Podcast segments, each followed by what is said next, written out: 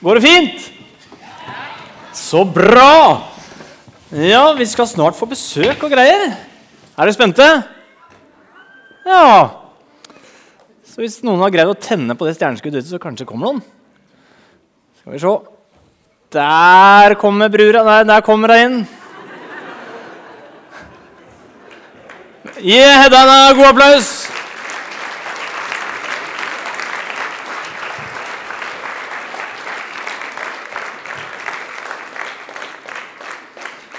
Så flott.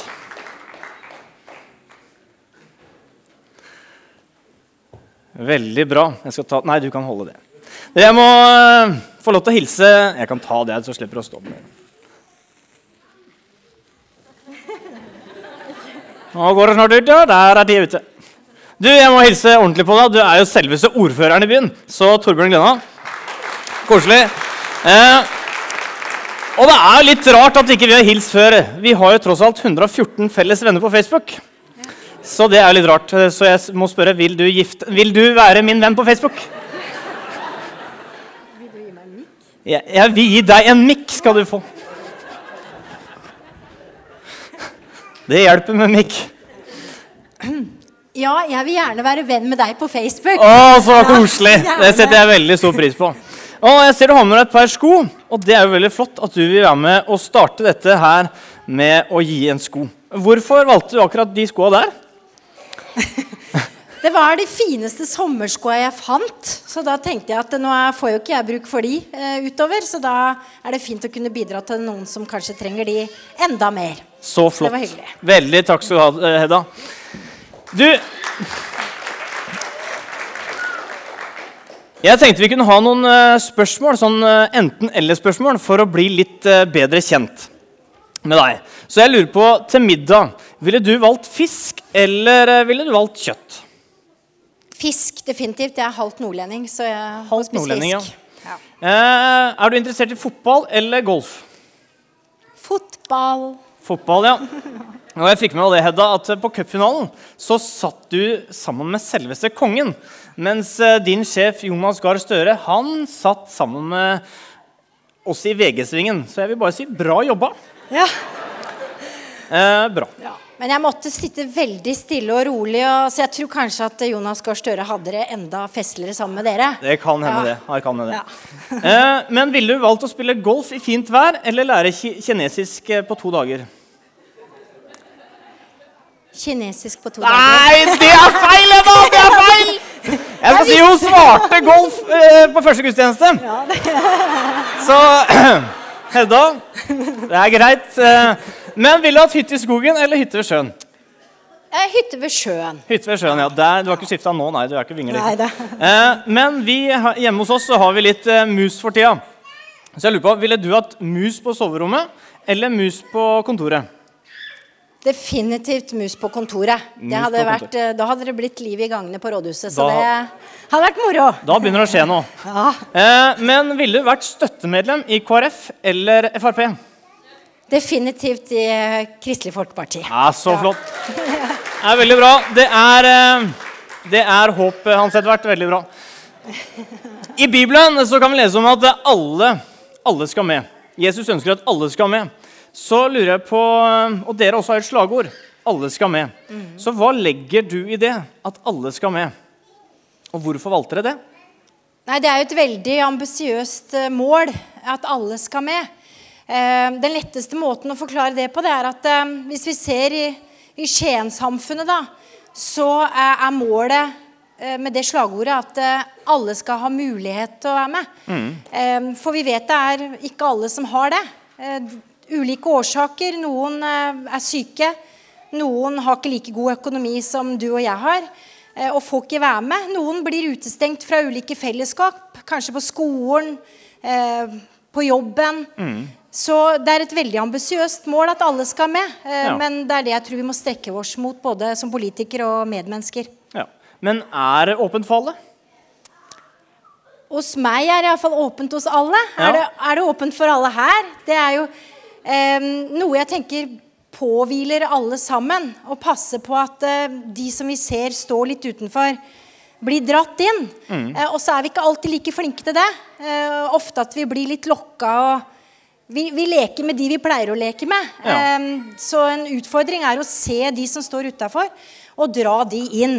Eh, og så politisk så blir det å passe på at man uh, gir penger og støtte til de som trenger det mest, Ja. og ikke de som kanskje klarer seg på egen hånd. Det er uh, politikerjobben. Ja, God jobb.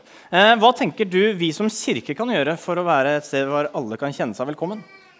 Nei, jeg tenker Det jeg sier, og det gjelder meg like mye som dere, men jeg tror det er viktig at en går ut og, og praktiserer det vi synger om, det vi tror på, eh, det vi som fellesskap ønsker å jobbe med. At vi kan bli enda flinkere eh, til å gjøre det i praksis.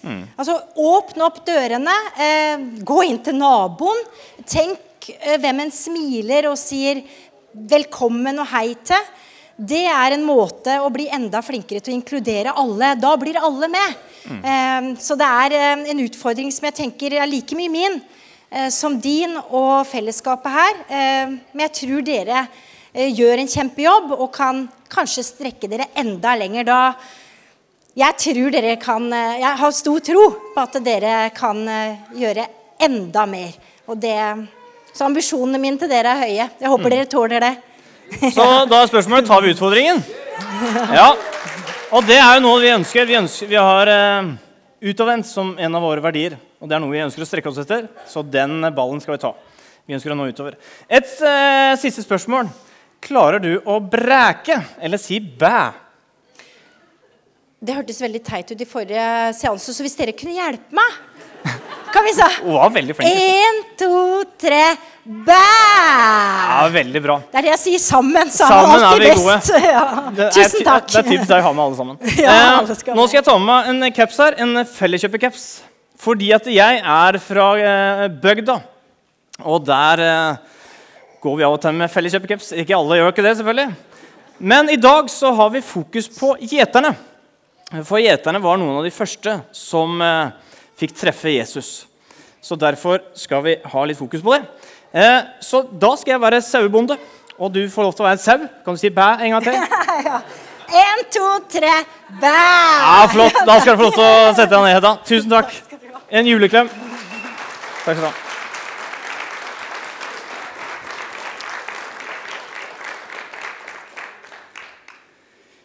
Du, nå skal jeg ta dere med ca. 2000 år tilbake. Hvor jeg er en bonde, eller en sauegjeter, som noen kalte meg før. Det var en helt vanlig kveld. En kveld da jeg og gjeterne satt sammen. Og plutselig så får vi besøk av en engel. Og du tenker kanskje at han der må nok være litt ør i huet, siden han sier han fikk besøk av en engel. Men det var helt sant, og jeg har aldri opplevd noe lignende. Og vi gjetere vi pleier ikke å oppleve det helt det store, men denne dagen så var det ganske spesielt. Det lyste opp overalt. Og så sa engelen, 'Vær ikke redd', sa han. Og da sa jeg, 'Vet du hva, det er litt seint', for det her begynner å gå meg på nerva. For dette har ikke jeg sett før. Så jeg skrev det ned, hva han sa til meg. Skal vi se Cola Zero sjokolade Nei, handleliste, gutt. Skal vi se, her har vi. Der sa han, 'Frykt ikke', sa han. Se, jeg forkynner en stor glede. En glede for hele folket. I dag er det født dere en frelser i Davids by. Han er Messias, Herren. Og dette skal dere ha til tegn. Du skal finne han i en krybbe. Og så sang en fin sang. Ære være Gud i det høyeste, og fred på jorden blant mennesker som Gud har glede i. Og så forsvant englene. Og etter det så dro jeg og gjeterne for å finne Jesusbarnet. Og vi fant den. Han lå i en fin krybbe. Og vet du hva? Jeg blei en ny mann ja. etter det. Og tenk at Gud utvalgte meg. Jeg som bare er en helt vanlig gjeter. Og jeg skal si deg det, det er ikke mange som har utvalgt meg, men det gjorde Gud. Og jeg kommer aldri til å glemme det engelen sa. Jeg kommer med en glede for hele folket. Av og til så kan du og jeg leke litt Gud. Vi kan tenke at hvis jeg hadde vært Gud, da hadde jeg gjort det sånn og sånn. Og jeg tenkte litt i det tilfellet her, Hvis jeg hadde vært Gud nå, eller for den tida tilbake, skulle komme med en stor nyhet, og en viktig nyhet, så ville jeg nok eh, kanskje valgt noen folk stolte på. Kanskje noen prester. Men hva gjorde Jesus? Eller Gud, da?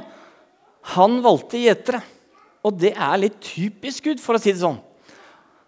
Han gikk til noen som andre ikke velger så lett. Og jeg tror bl.a. han gjorde det for at alle skulle vite at alle er velkommen. At ikke man må ha noe høy stjerne for at Gud skal velge akkurat deg. Og hvor var det gjeterne fant barnet? Var det på et palass? Nei. Det var i en stall der sauer spiste og gjorde fra seg. For på starten av sitt liv ville Gud at Jesus skulle være en for alle. Kunne, jeg tror Gud kunne ordna det sånn at Jesus har blitt født på et palass med kongelig fødsel. og sånn, Men jeg tror ikke han ville. For han ville at alle skal få muligheten til å kjenne seg igjen. At ikke Jesus blir noe høyt og noe fjernt og uoppnåelig. Nei, Jesus han kom til oss i det lave. Sånn at når vi føler oss små, så kan vi komme til han sånn som det er. Og budskapet var til hele folket, sånn. Og det er jo alle. Meg og deg. Så uansett, ung eller gammel, hobby, hit og gevær, eller studier eller jobb eller hva enn vi har, legning, og som vi ser på kropp, så var det for alle. Men hvorfor blei Jesus Kristus egentlig født? Da skal jeg ta dere med lang tid tilbake. For da skapte Gud Adam og Eva. Og Det gjorde han fordi han ønska fellesskap med oss mennesker. Og Det står i Bibelen at de vandra sammen i hagen. Og så skjedde det dumme. Adam og Eva de spiste av den eneste frukten de ikke hadde lov til å spise. Og det førte til at synden kom inn i verden. Som gjør at Adam og Eva de ble adskilt ifra Gud. For Gud han er hellig og tåler ikke synd. Så Gud likte jo ikke det. For Gud han ville jo være nær oss. Så for å rette opp det så måtte han sende Jesus for å ta våre synder på korset. Og før Jesus kom, så måtte vi mennesker ofre til Gud én gang i året. Et lam. Som skulle være et tegn for våre synder. Og det var også én øversteprest bare som kunne komme fram, helt fram til Gud. Og Gud ønska ikke at dette skulle være sånn én gang i året-greie. Han ønska å ha en relasjon med meg og deg. Så derfor sendte han sin sønn Jesus for at han kunne være vårt offerlam. En gang for alle. For Johannes 3, 16 så står det, og står det der, For så høyt har Gud elsket verden, vi er i verden alle sammen, at han ga sin sønn den enbårne for at hver den som tror på han ikke skal gå fortapt, men ha evig liv. Gud sendte ikke sin sønn til verden for å dømme verden, men for at verden skulle bli frelst ved ham. Så målet med at Jesus ble født, målet med at vi feirer jul, er at Gud ønsker å ha en relasjon til deg fordi han er opptatt av deg. Og han er opptatt av meg. Gud og jeg vi er ikke helt like enda. Jeg er nok dessverre litt, eh, fremdeles litt for mye opptatt av meg sjøl. Så til morgenen så kikka jeg meg i speilet og tenkte ligger det håret greit nå, og sitter det greit på. Og så begynte jeg å se eh, Ligger eh, øyenbryna bra på, tenkte jeg. For det er ikke alle som har det problemet at dere har ganske mye hårvekst. Eh, og her om uka som var, så begynte jeg å lure Ser jeg litt dårligere enn det jeg pleier nå. Og så skjønte jeg det etter hvert at jeg hadde bare noen ekstra øyenbryn som datt ned sånn. Så da retta jeg på det. Og når jeg var yngre, 15-16 år kanskje, så sto jeg foran speilet og nappa øyenbryn foran her. Og prøvde å barbere. Men det grodde jo bare igjen. Eh, og hvis du er litt som meg, opptatt av deg sjøl, så er du opptatt av å passe inn. At vi skal liksom være gode nok. Og Denne uka her skulle vi lese i Verden om ei jente som har skrevet en, eh, en oppgave om det presset de unge lever i. At de må prestere, alt det de skal gjøre, må se sånn og sånn ut for å møte alle de forventninger som ligger der. Og dette tror jeg er ikke dessverre ikke bare for unge, men jeg tror er noe som kjenner henne i alle aldre. At det ligger et press der om at vi ønsker å passe inn, et ønske om å være god nok på skole, jobb, eh, at kroppen skal se sånn og sånn ut. Eh, at vi skal være rett og slett gode nok. Jeg er jo veldig heldig. Jeg er gift med verdens diggeste dame, så alle gutter for seint ute.